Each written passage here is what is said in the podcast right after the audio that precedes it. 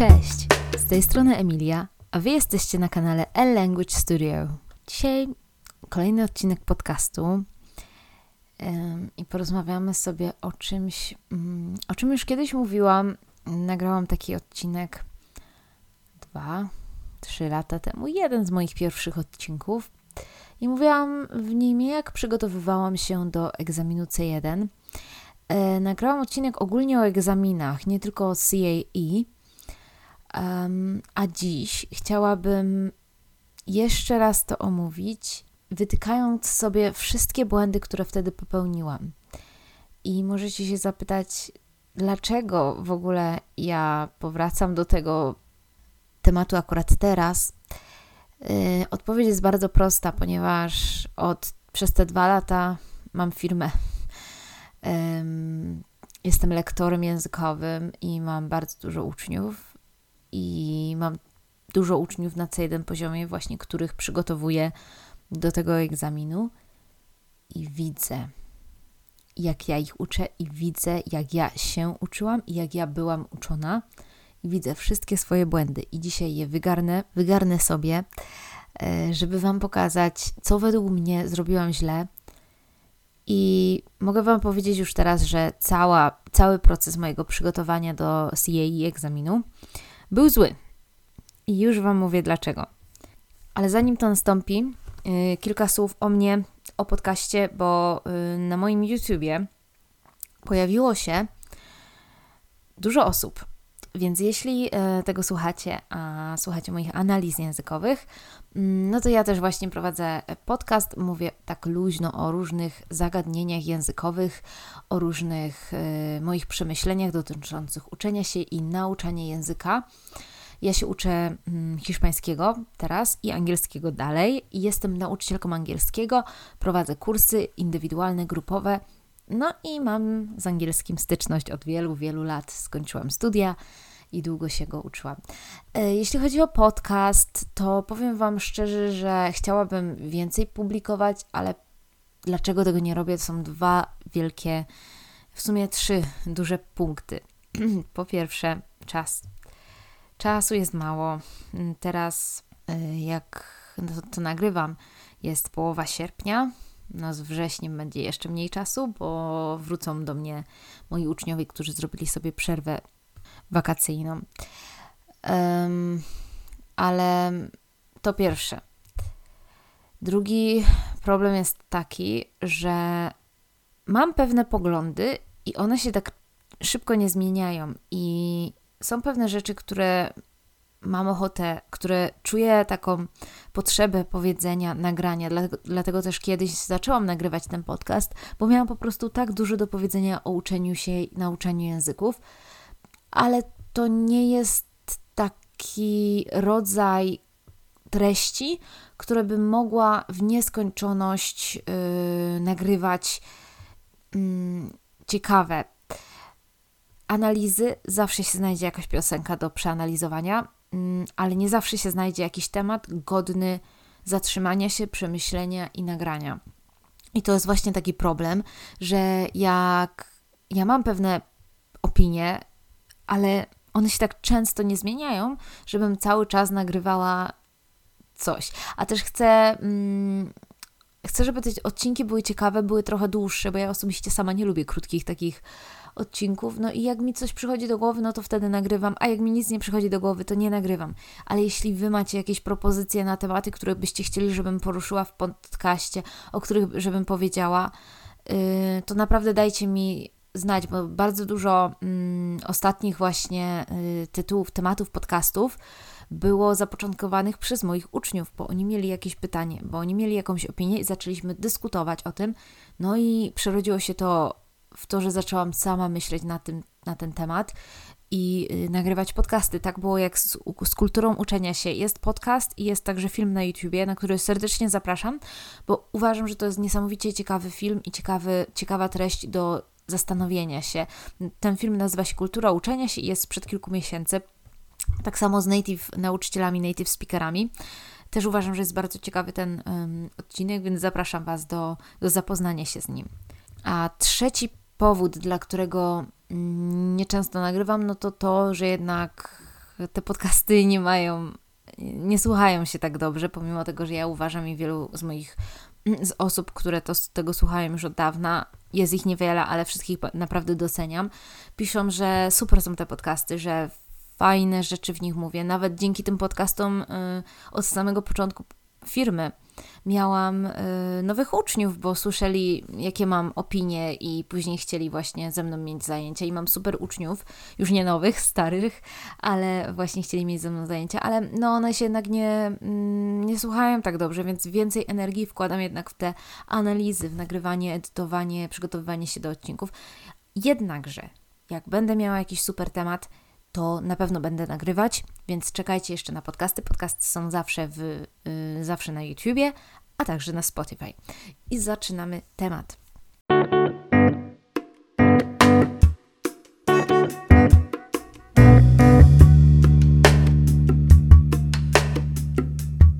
Tematem jest CAE, czyli C1 egzamin.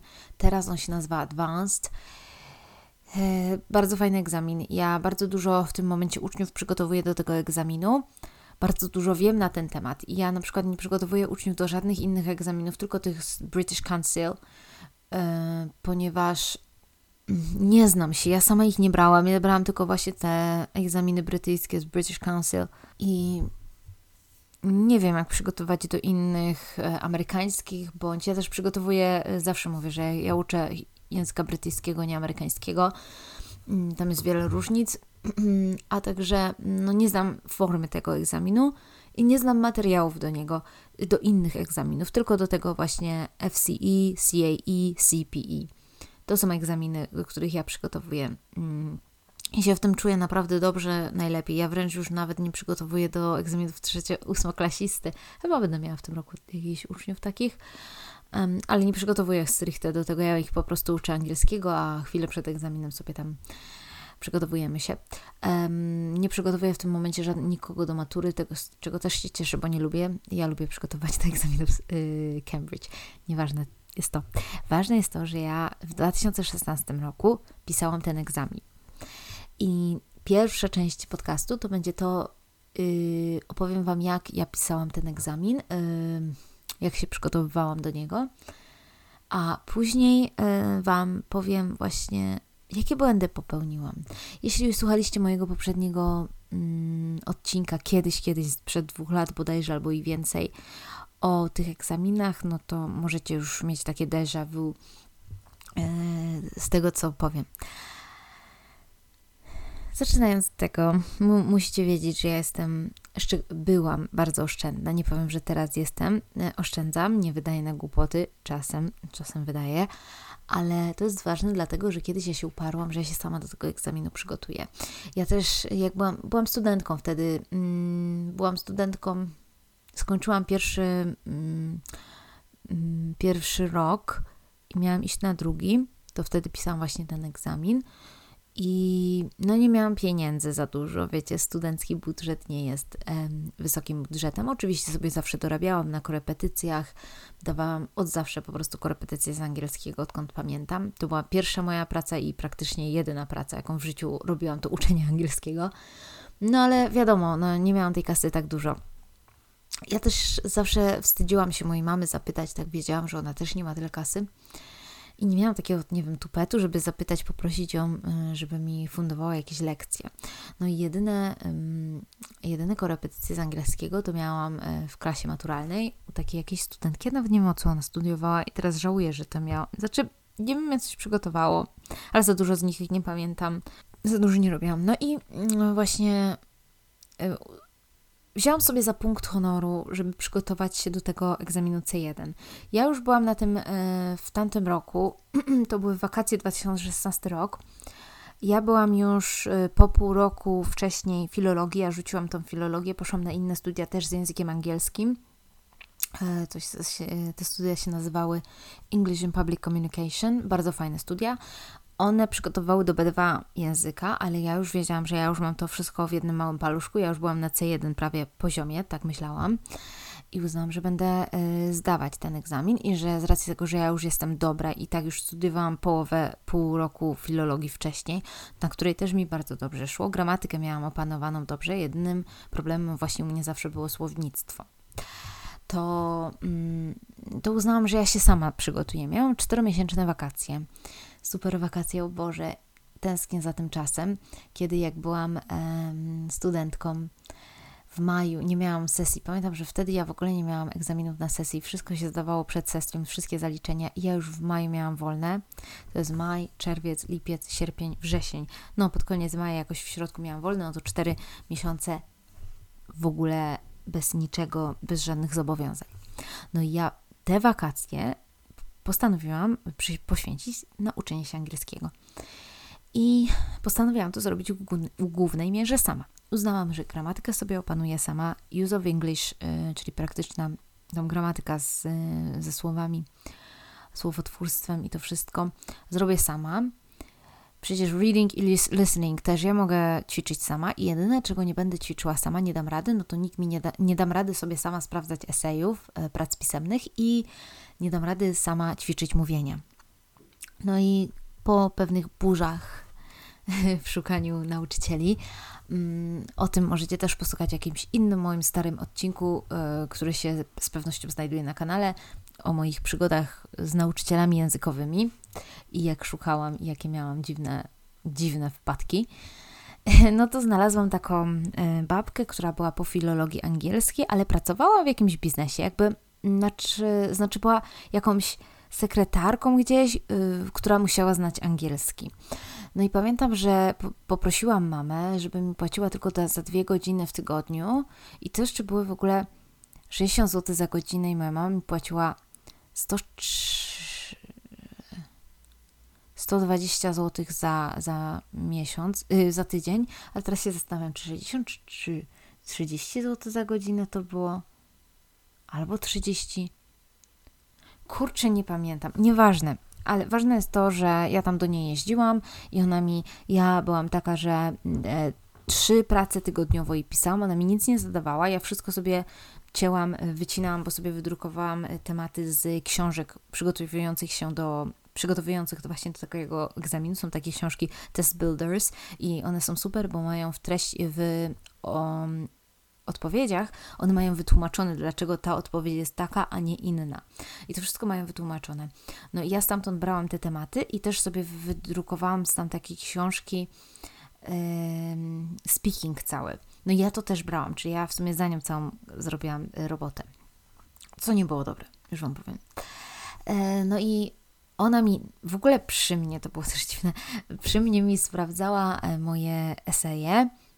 Ja ich pisałam trzy na tydzień. Przy mnie albo, albo ty, może jeden przy mnie sprawdzała resztę w domu, nie wiem, nie pamiętam. No i ja jeszcze hmm, mówiłyśmy, no i ćwiczyłyśmy mówienie tak, że miałyśmy hmm, te próbne egzaminy i zwracała mi tam uwagę na to, jak mówię, co mówię, hmm, jakich słów używam, no i takie różne rzeczy. I resztę robiłam wszystko w domu. I ja miałam tak, ja jestem strasznie mm, taka zorganizowana i jeśli chcę coś, to ja do tego dążę i mm, mam samodyscyplinę bardzo dużą. Tak z natury taka jestem, zawsze taka byłam. No i ja rano wstawałam, nie wiem, tak ósma, dziewiąta może, nie pamiętam, ale zwykle tak wstaję, więc pewnie wtedy też. I uczyłam się robiłam listeningi z zegarkiem w ręku, do co do minuty sprawdzałam czas, czy na pewno się zmieszczę w czasie. Robiłam yy, czytanki i robiłam use of English. I to wszystko robiłam właśnie z tych książek test builderów albo takich książek po prostu, gdzie były przykładowe testy. Ja tylko robiłam te testy. Plus z nowych y, czytanek spisywałam sobie wszystkie słówka, których nie wiedziałam, nie znałam na fiszki i różne rzeczy robiłam z tymi słówkami.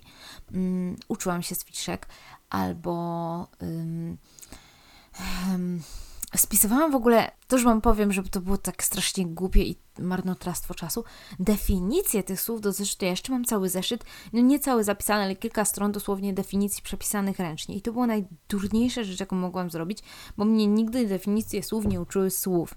Ja jestem osobą, która potrzebuje mieć wytłumaczenie po polsku. Są różni uczniowie, może wy nie potrzebujecie mieć, mi zawsze to pomagało. Definicja słowa mi da, bardziej daje takie feeling of the word, takie co to słowo może znaczyć, ale jak go używać, ale w jakich kontekstach, taki ale takie dosłowne to słowo, tak ja sobie lubię przeczytać definicję, żeby mieć pewność, że to o to chodzi. Aczkolwiek nie uczyć się na pamięć. No ja nie wiem, to było durne z mojej strony, tyle godzin na to spędziłam, że przepisywałam sobie te definicje niektórych słów. No i yy, to robiłam do 15, dajmy na to, naprawdę dużo czasu i to codziennie spędzałam na uczeniu się. I później miałam jakąś tam przerwę, no i oczywiście wcześniej jakaś też tam przerwa na jedzenie była. Yy, ja później ćwiczyłam mówienie i znowu dałam sobie za punkt honoru, żeby nie płacić więcej zamówień. Nie wiem dlaczego, znaczy wiem dlaczego, no nie miałam pieniędzy, wtedy wstydziłam się mojej mamy zapytać, bałam się, czy by mi troszkę może wspomogła trochę więcej, bo dla mnie już to 120 czy to 60 zł na tydzień, tak czy siak, wiecie, w 2016 to i tak było dla mnie dużo, dla mojej studenckiej mentalności to było dużo pieniędzy, no i nie chciałam, żeby tam yy, mi mama tam więcej dawała, a sama ze swoich oszczędności no zbierałam, bo sam egzamin kosztuje kilka stów kosztował, no i dla mnie to było dużo, no dla osoby, która po prostu dorobiała sobie tylko korepetycjami i jeszcze nie zarabiała normalnie. No więc y, znalazłam sobie takie strony. Teraz już wiem, że no w 2000, kurczę, wydaje się 2016 tak niedawno, ale to kompletnie inny czas technologiczny był. To nie był czas aplikacji tak bardzo, jak internetu, jeszcze stron internetowych. Ja znalazłam takie strony internetowe, już o nich wiele razy mówiłam, tu Language Exchange albo Conversation Exchange i takie różne. Teraz na pewno są aplikacje. Ja Wam nie powiem, ja sama z nich nie korzystam, po hiszpańsku też nie korzystam. Nie mam czasu już po prostu w moim życiu na więcej, ale mm, to było spoko, bo znalazłam sobie osobę i to też bardzo długo musiałam szukać. Ja o tym też nagrałam odcinek taki w w, detalach, więc zapraszam Was do niego gdzieś tam, jak ćwiczyć mówienie samemu. O, to jest taki odcinek na bank, znajdziecie go i na Spotify, i na YouTube. Jeszcze, jeszcze w ogóle z takiej starej, e, takie stare miałam okładki, jeszcze mój podcast się inaczej nazywał, ale let's appreciate the change and the growth. I ten, no, e, znalazłam takiego gościa, no i oczywiście też szukałam wielu, z wieloma gadałam na wideo albo tylko na phone call, znaczy nie phone call, bo to się na Skype'ie wtedy rozmawiało. E, no i po wielu nieudanych próbach, udanych, nieudanych, znalazłam jednego gościa z Algerii. Był w moim wieku albo rok starszy jakoś i on pracował w kafejce internetowej, co znaczy, że miał dostęp do internetu non-stop i był przed tym komputerem non-stop, ponieważ y, no, pracował tam.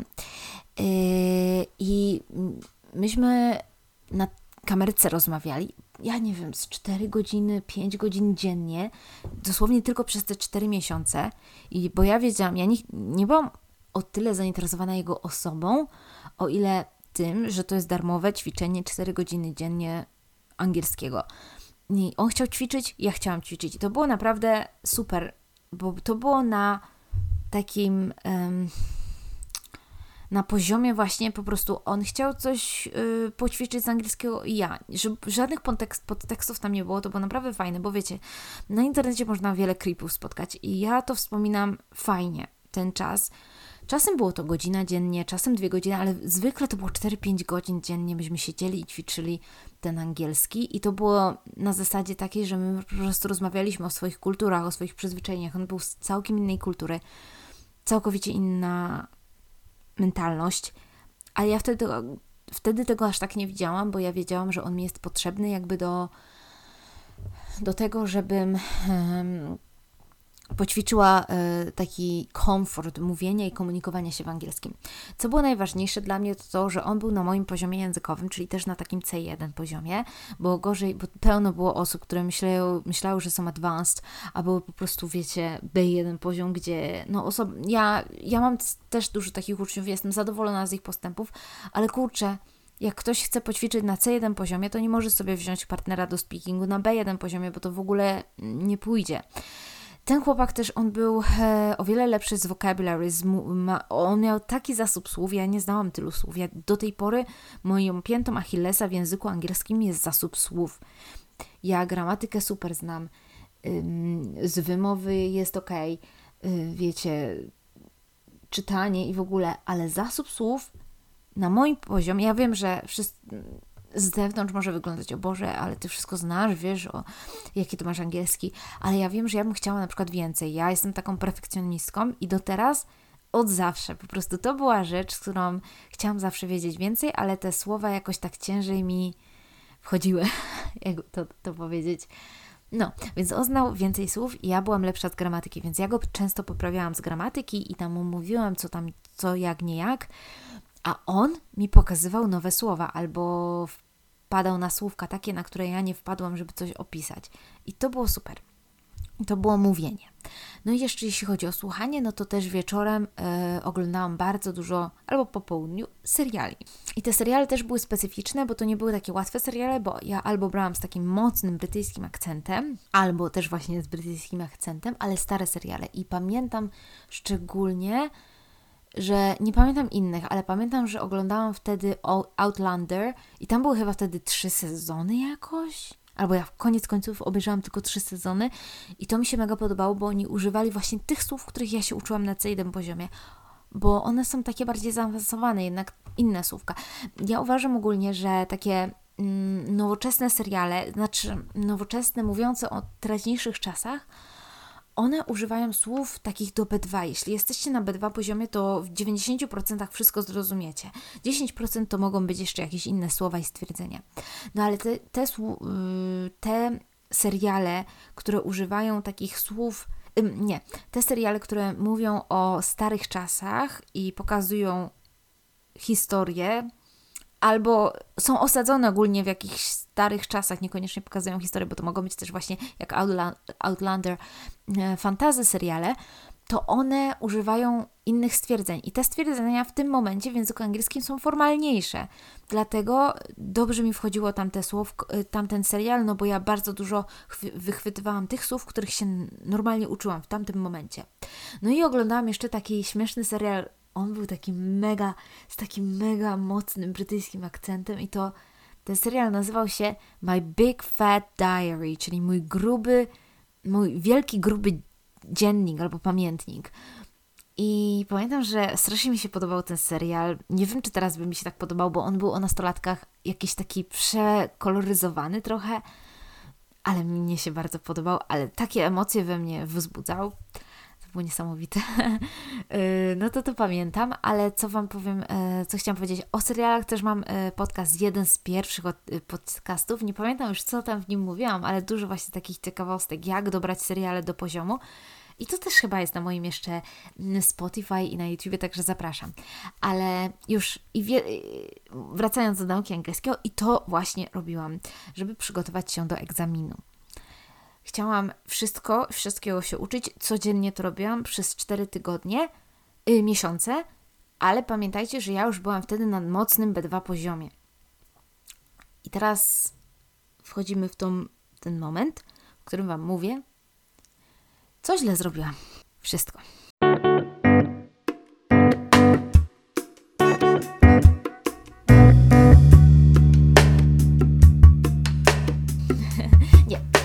Pierwsze co, to co dobrze zrobiłam. Rozmowy z tym kolesiem były bardzo dobre, wybrałam dobrego gościa. Teraz już nim parę razy chciałam z nim jeszcze, chyba dwa lata temu ostatnio miałam próbę, żeby z nim pogadać po prostu, co się zmieniło, co w Twoim życiu, bo jednak spędziliśmy te cztery miesiące po prostu na gadaniu. E, no ale po prostu nasze życia, e, nasze idee życiowe i perspektywy i to wszystko, kultura kompletnie się ze sobą nie zbiega i ja nie chciałam już mieć z nim nic wspólnego, bo mnie strasznie zaczął wkurzać. W, w momencie, kiedy nie miałam już nic, jakby mm, nie miałam żadnego interesu w rozmawianiu z nim, mm, przestał mnie interesować, ale też jego kultura, perspektywa spoglądania na kobiety, no, jest z Algerii. Więc to samo co siebie mówi, że mają tam inne, inną kulturę, inaczej traktują kobiety, co mi się po prostu nie byłam w stanie tego przyjąć w ogóle. E, ale tak, to była dobra, e, dobra rzecz, że z nim gadałam. Po prostu codziennie za darmo miałam możliwość ćwiczenia. Drugą dobrą rzeczą były te seriale, bo to była forma relaksu dla mnie, bo za każdy potrzebuje relaksu. I e, i też nauki w tym samym czasie. Trzecią dobrą rzeczą to było to, że miałam 4 miesiące wolnego Wiem, że nie wszyscy sobie potrafią na to i mogą sobie pozwolić na to. Ja mogłam. Ja wykorzystałam wakacje. Wykorzystałam swój czas wolny. Nigdzie wtedy nie wyjechałam. Może chyba raz do, w góry na jakiś tydzień. Nie wiem. Ale powiem Wam, że to było fajne, że ja byłam zdyscyplinowana i codziennie siedziałam i robiłam ten angielski. I czy coś jeszcze dobrego zrobiłam? No nic. Więc tak, zaczynając od samego przekonania mojego, że ja jestem w stanie się wszystkiego sama nauczyć. Bo co, przecież sobie słówko sobie przetłumaczę, przecież yy, gramatykę sobie wytłumaczę. No i powiem Wam, że o ile z gramatyki ja, to jest mój konik, ja, ja nigdy nie miałam problemu z łapaniem gramatyki. Tutaj nie mam nic sobie do zarzucenia. E, aczkolwiek, e, jak ja widzę teraz, jak ja moich uczniów przygotowuję, on przychodzi do mnie uczeń już na C1 poziomie, bądź wchodzący na C1 poziom, i my pracujemy z bardzo dobrą książką, dobrze dobraną, trudną książką. E, ja widzę, jak my całościowo pracujemy, ile oni z jednego tekstu są w stanie się dowiedzieć, ile robimy ćwiczeń nie tylko na zrób ćwiczenie, podkreśl słówka, przetłumacz je i nara, tylko na my robimy zadania na technikę rozwiązywania zadań bądź technikę wnioskowania, tak jak się wnioskuje. Ćwiczymy właśnie wnioskowanie, ćwiczymy szukanie informacji w tekście, ćwiczymy rozpoznawanie aluzji, rozpo czytanie między wierszami. I to wszystko ćwiczę na moim kursie z książką, która co lekcję ma coś innego. Tutaj mamy listening, tutaj speaking, tutaj mówienie, tutaj, yy, znaczy mówienie, speaking, yy, tutaj reading, yy, tutaj gramatykę, yy, tutaj writing. I na każdej lekcji mamy coś innego, z, z innym całkowicie tematem, ale z każdej lekcji moi uczniowie tyle wynoszą, nie, nie tylko samych słów, oczywiście bardzo dużo słów wyniosą, wynoszą, ale też takiej całościowej angielszczyzny, a także myślenia, myślenia logicznego. I to jest niesamowite, ile ja jestem w stanie teraz uczyć moich uczniów, dobrawszy wcześniej dobrą książkę. No a wtedy ja miałam takie podejście, zrobię testy, wiecie, takie próbne testy, przetłumaczę te słówka, których nie znam i nara, i kolejny test. I ja roz, tak, mieliłam te testy tak szybko, jeden za drugim, kilka książek zrobiłam, ale ile ja z tego wyjęłam? Według mnie o wiele mniej niż. Ja, ja chyba z 10 książek przerobiłam tak całych ale mniej z tego wyjęłam niż moi uczniowie w trzech rozdziałach z naszej książki, z którą my pracujemy, jakby podręcznika zwykłego. Znaczy niezwykłego, ja uważam, że ja uwielbiam tą książkę, bo jest po prostu tak genialnie stworzona. A propos słów, no ja wtedy myślałam, że ja wszystko wiem, ale nie wiedziałam. Wow, how much I didn't know, guys. Ja w tym momencie Yy, przed każdą, znaczy przed każdą lekcją już mam moją książkę opracowaną bardzo dobrze, ale jak zaczynałam z tą książką pracować, to przed każdą lekcją siadałam yy, i każdy rozdział czytałam od deski do deski. Każdą literę, każde słowo czytałam w każdym rozdziale, włącznie z AudioScript, yy, z tymi audioskryptami, zapisami nagrań, żeby zaznaczać sobie albo słówka, których nie znam, bo na tym C1 się okazało, że ta książka tyle przedstawia słów, że ja nawet niektórych nie znałam, no to chciałam być przygotowana na lekcję, albo też takie słówka godne uwagi, jak idiomy, na które uczeń może nie wpaść, frazy, kolokacje, na które uczeń nie zauważy, bo on je rozumie, ale ich nie używa. Wiecie, ja mam teraz taką teorię i tak staram się moim, moim uczniom przedstawiać to, bo nowy uczeń może się zdziwić. Ja tak kilka razy nawet powtarzam moim nowym uczniom podczas różnych lekcji, tam podczas pierwszych naszych lekcji, że to, że ja zapisuję słowo mu, mojemu uczniowi na nasz, w naszym zeszycie online, to nie znaczy, że on go nie zna, nie zrozumie, ale są dwie szufladki w mózgu. Rozumiem i umiem używać. No i mamy o wiele więcej słów, których, których rozumiemy. No i szczególnie kolokacje. Jak my nie zauważamy kolokacji, ja teraz w analizach piosenek zwracam na nie uwagę. Na przykład yy, kolokacją jest po angielsku fake smile, czyli sztuczny uśmiech. Po polsku też jest to kolokacja. To są dwa słowa, które idą razem w parze. A po. Gdybyśmy powiedzieli po angielsku artificial smile albo wrong smile, no to to by już nie było to samo. Tak samo po polsku, gdybyśmy powiedzieli nieprawdziwy uśmiech, to, to to nie jest to samo. To my czujemy, Polacy, my Polacy czujemy, że coś jest nie tak. Y, I zauważyłam właśnie, jak e, oglądałam odcinki. E, nie wiem, czy oglądacie taką youtuberkę. Ja bardzo rzadko, ale oglądałam parę odcinków. Y, Kasia mm, Mieczyński, ma, ma. To była ta y, babka, która nagrywała z Gonciarzem.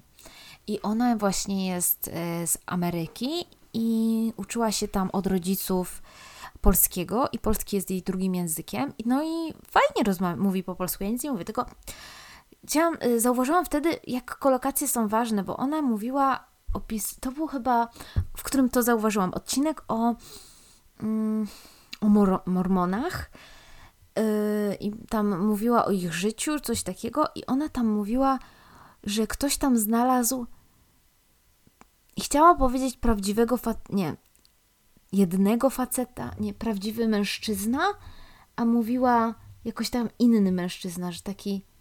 Kurczę, zapomniałam jak ona to mówiła, więc sobie sprawdziłam na YouTubie ten film i to było o Amiszach.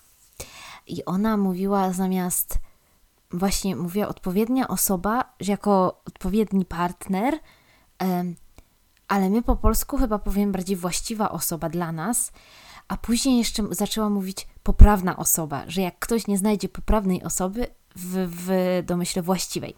No i tak działają właśnie te kolokacje, wiecie, że my mm, native speaker wyczuje, że niby używamy synonimu jakiegoś, chodzi nam o, coś, o to samo, ale jednak kolokacja to właściwa osoba albo właściwy mężczyzna, a nie poprawny mężczyzna, jakby no, mam nadzieję, że to czujecie o co chodzi. No i e, właśnie jak ja sama sobie podkreślałam, e, to dużo z takich rzeczy albo nie zwracałam uwagi, albo w ogóle nie widziałam, albo myślałam, że ja wszystko wiem. Ja kompletnie nie wiedziałam o co chodzi z kolokacjami na C1 poziomie. A teraz moi uczniowie, ja im po prostu zwracam uwagę, słuchaj, to jest kolokacja i to zapisz, tego się naucz jakby, naucz na nowo, żeby wiedzieć, że to jest do używania. Ja też myślałam wtedy, im lepsze, im trudniejsze słowo użyję, tym będę lepiej brzmiała, bo ja się sama tego uczyłam. Nikt mi nie powiedział, hello, Emilia, stop, nie, ty musisz się uczyć właśnie poprawnych kolokacji, żeby brzmieć jak nat najnaturalniej, a nie, mm, wiecie, takich mm, trudnych, wyszukanych słów, które tak naprawdę... Mm, będą głupio brzmiały w uszach native'a, będą nienaturalnie brzmiały, bo często prostota naszej wypowiedzi jest naszym atutem. Taka luźna, luźność naszej, luźność, luz naszej wypowiedzi jest naszym atutem, a nie to, jakich my słów użyjemy. No i to była e, właśnie w głównej mierze, co źle robiłam, jeśli chodzi o, mm, o używanie książek że ja robiłam te testy. Jedyne co teraz tak myślę, to chyba mm, nic, nie, nie, nic takiego złego nie było w robieniu speaking, yy, listeningów, no bo je robiłam, po prostu ćwiczyłam testy yy, listeningi, aczkolwiek wiem, że gdybym teraz na przykład na kurs się zapisała, taki jak ja prowadzę z moimi uczniami, to ja bym o wiele więcej z tych listeningów wzięła, bo tam są właśnie też takie ćwiczenia na rozumienie albo słuchanie pomiędzy wierszami, mm, na taką interpretację sugestii y, tego, tej osoby, która mówi. Mm, więc o wiele więcej tam się po prostu tak buduje ogólną, taką świadomą wiedzę um, ucznia. Ale to no chyba no, jedyny sposób na wyćwiczenie na listening to jest po prostu robienie tych listeningów tak czy siak. Kolejna rzecz, która była bardzo zła, to pisanie z nauczycielką. Nie. Ogólnie muszę zacząć od nauczycielki. ja ją bardzo pozdrawiam. Ja ją naprawdę ciepło wspominam. Super osoba. Yy, bardzo fajny miałam. Pamiętam, że miałam bardzo fajny z nią kontakt. Naprawdę fajnie ją wspominam. Ale teraz tak patrzę na to, mam nadzieję, że obiektywnie, ale z perspektywy czasu, ja jestem nauczycielką teraz, ja prowadzę takie kursy, to to nie była właściwa osoba. Ja nie bez mm, powodu powiedziałam Wam, że ona, pracu- ona była po studiach po filologii angielskiej, dorabiała sobie korepetycjami. Ja nie wiem, czy ona miała tylko wtedy mnie, czy kogoś jeszcze, ale bardzo mało. Nie, nie, to nie była też taka osoba, która po prostu robi te korepetycje non-stop. I nie, tak, i powiedziałam Wam, że ona po prostu pracowała w jakiejś firmie. No i to był błąd, dla którego nie powinnam była iść do niej na zajęcia. Ja poszłam do niej, bo ona miała tanio w miarę.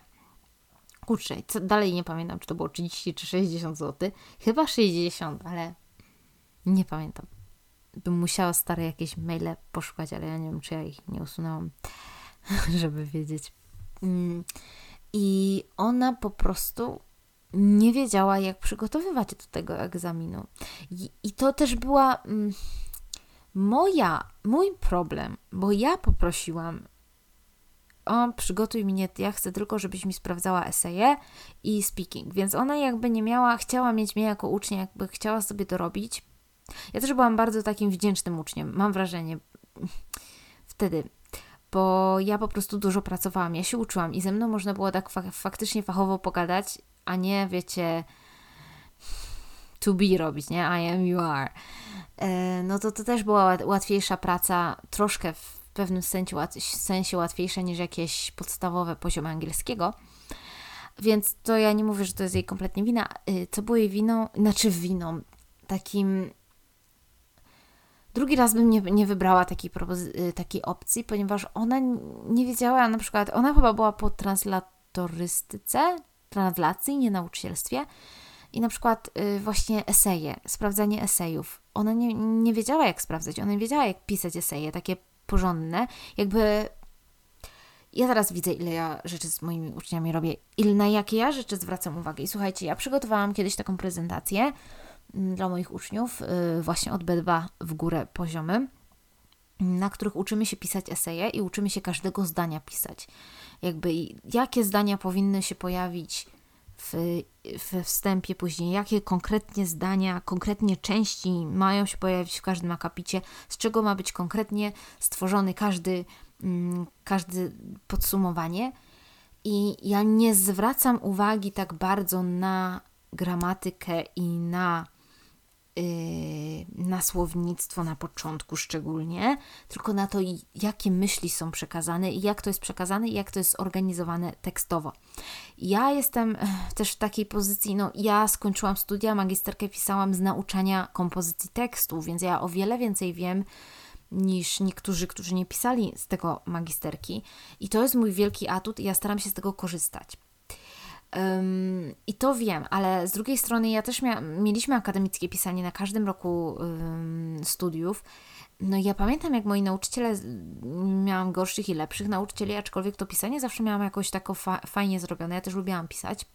No i właśnie ja zwracam uwagę teraz moim uczniom na ich proces myślenia, czy w ogóle oni napisali na temat, bo mam nieraz mi się zdarzyło, uwierzcie, że uczeń, który jest na C1 poziomie, naprawdę są inteligentne osoby, ja nie mówię, że nie. Oczywiście są super osoby, ale że mi kompletnie nie na temat napisze esej. Esej, jakiś list, jakieś cokolwiek, co tam musi napisać, mm, bo po prostu, nie wiem, zagapi się, nie przeczyta dokładnie polecenia. No i ja zwracam uwagę właśnie na to, na tą logikę tego tekstu, na to, czy jest dobra, dobra teza napisana, dobrze przedstawiona, czy są takie, yy, takie części yy, akapitów jak y, topic sentences, czyli te pierwsze, zda pierwsze zdanie każdego akapitu, które nam ustawia cały akapit, czy to jest dobrze połączone z tezą, czy w w podsumowaniu wszystkie są to zawarte, co trzeba zawrzeć, czy nie ma zbyt bezsensownych słów użytych, za dużo słów, no to są już takie mniejsze rzeczy, ale wiecie, ja na to wszystko zwracam uwagę. Ja później moim uczniom piszę taką całą, no, taką mm, kartę oceny, zwracając największą uwagę właśnie na organizację tekstu, na myśl przedstawioną w tekście, na opiniowanie, a dopiero później zwracamy uwagę na te, na te yy, błędy typu gramatyka, yy, słownictwo i czy tam za dużo, czy za mało słów się jakichś użyło, synonimów. I to na wszystko zwracam uwagę, ale właśnie w głównej mierze zaczynamy od nauka, nauki kompozycji tekstu, jak w ogóle tekst komponować, żeby nie było lania wody. Mm, bo to nie jest takie proste, mm, ale ja, da się to wyćwiczyć. No a ta moja nauczycielka była, zwracała uwagę tylko i wyłącznie na słowa i gramatykę. I ja myślałam, byłam przekonana wtedy, że im więcej zaawansowanych słów użyję, tym lepiej.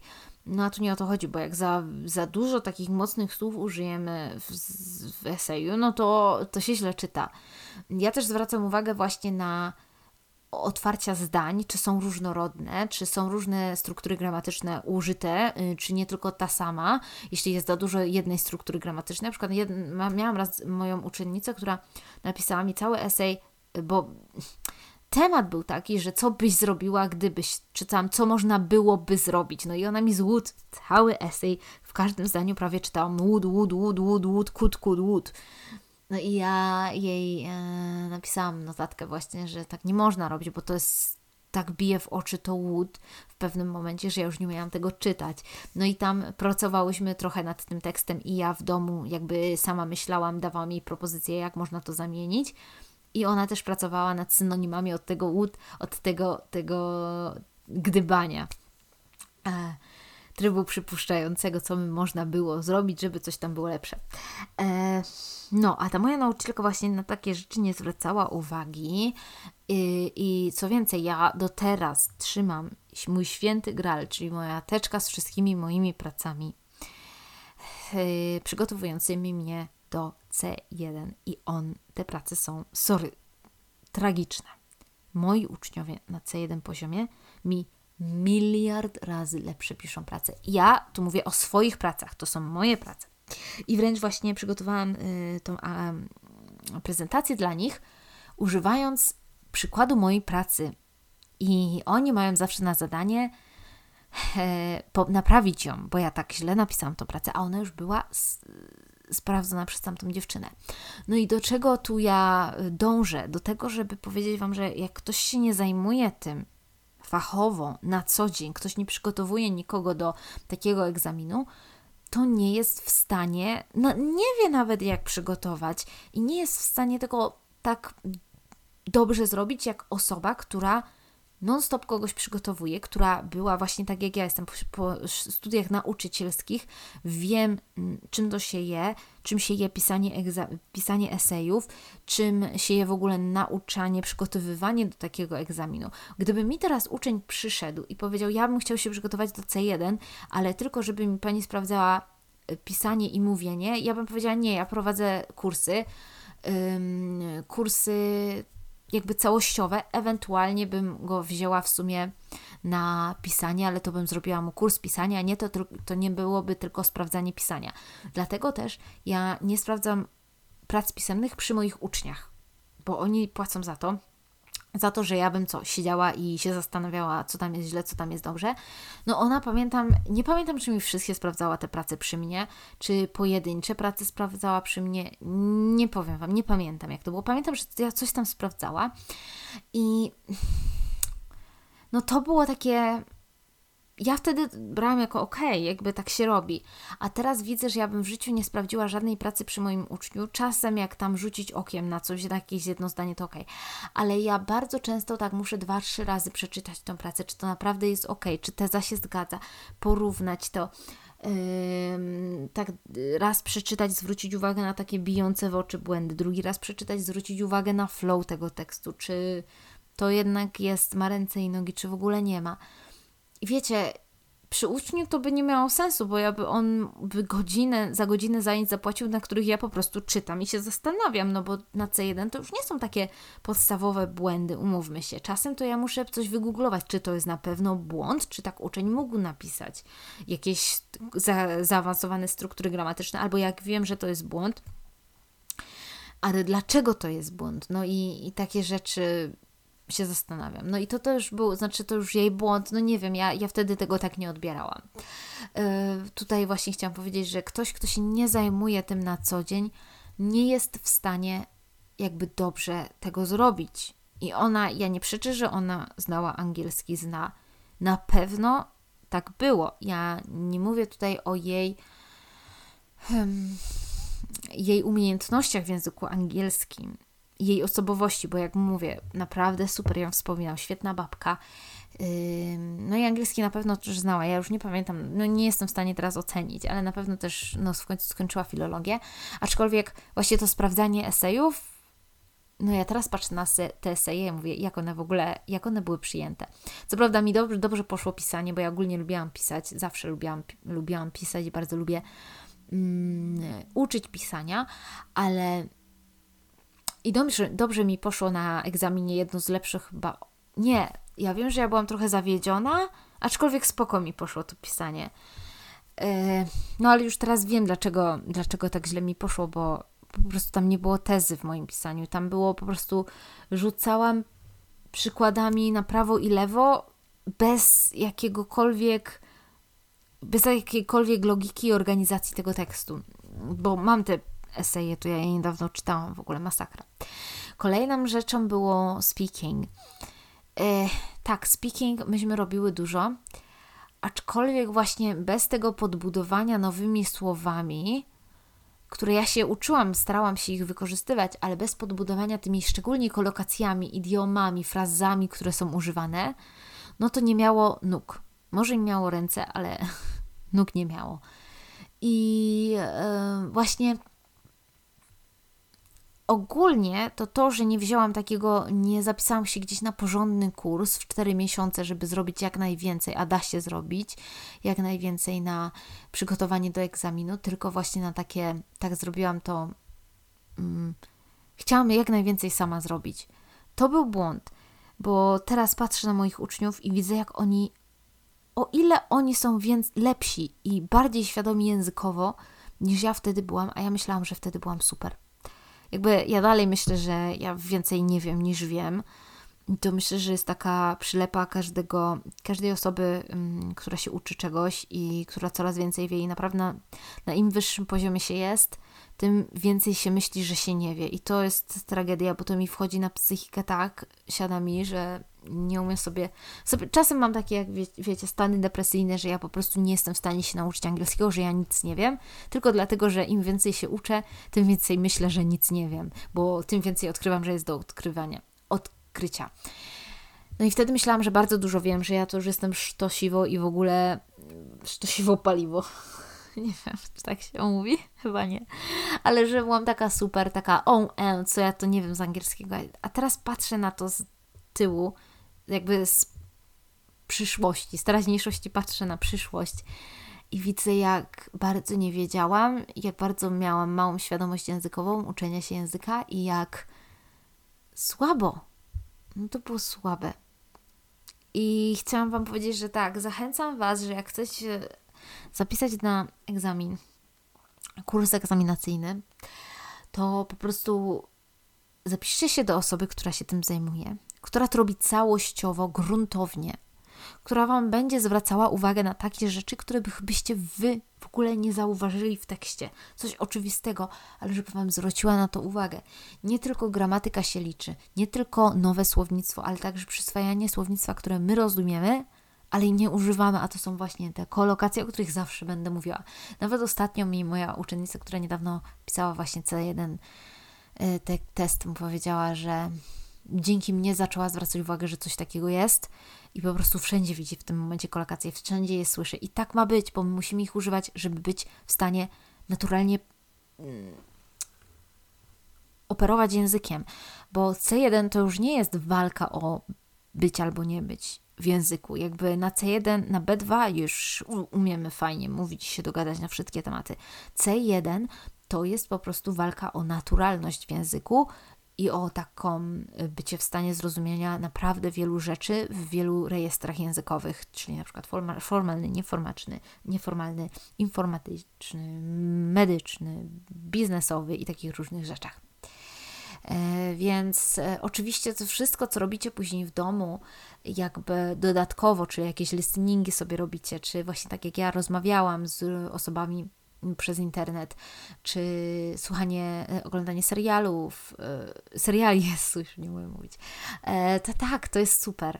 Ale pamiętajcie, że grunt to dobry kurs. Ja teraz jestem taką fanką kursów językowych, bo widzę, ile to daje. Jakby widzę, jak moi uczniowie się, się rozwijają, jak ja ich porządnie uczę od A do Z. Jedziemy z książką, bo kiedyś też nie prowadziłam kursów z książką i myślałam, że jestem super, ale wiem, ile błędów popełniałam. Teraz jedziemy z książką od A do Z. Ja udoskonalam i wzbogacam tą książkę od różne inne rzeczy i to widać, widać różnicę. To było na tyle, co chciałam Wam powiedzieć o tym. E, wytknęłam sobie wszystkie błędy. Mam nadzieję, że o wszystkim powiedziałam. No i chyba, chyba nie mam nic już więcej do powiedzenia. Dziękuję Wam za wysłuchanie tego podcastu. Mam nadzieję, że Wam się podobało. Jeśli tak, to zachęcam do dania łapek w górę, jeśli słuchacie tego na YouTubie, a na Spotify nie wiem, co można dawać, ale zachęcam. Y, jeśli jesteście zainteresowani moimi analizami tekstów piosenek, które są według mnie naprawdę super, to zapraszam na YouTube'a, gdzie je, mm, gdzie je publikuję. A także jeśli jesteście zainteresowani trochę z mojego życia prywatnego albo tym, jak się uczę języków, to też publikuję często na stories na moim Instagramie. Link do Instagrama oczywiście i do wszystkiego innego znajdziecie w opisie. To jest L Language Studio. Mam także TikToka, na którym udostępniam sneak peeki, takie małe mm, króciutkie filmiki wycięte z tych moich analiz. Yy, I to są takie ciekawsze mm, słówka, albo zdania, albo interpretacje właśnie z tych analiz języko, yy, analiz piosenek. Mam nadzieję, że podobała Wam się mm, podobał Wam się temat dzisiejszego podcastu. Jeśli macie jakieś tematy w głowie, coś o czym bym mogła powiedzieć, albo mm, wyrazić swoją opinię na jakiś temat, to zapraszam, dawajcie mi znać albo w komentarzach na YouTubie pod tym filmem, albo po prostu napiszcie mi na Instagramie. Yy, super by było, bo kończą mi się temat. Jeszcze może mam pomysły na dwa tematy, dwa, trzy tematy z podcastu, no i kończą się niestety. A na pewno jest jeszcze wiele rzeczy, o których bym mogła powiedzieć. Nie przedłużam, trzymajcie się ciepło, uczcie się języków i niech Was motywacja nie opuszcza. Pa!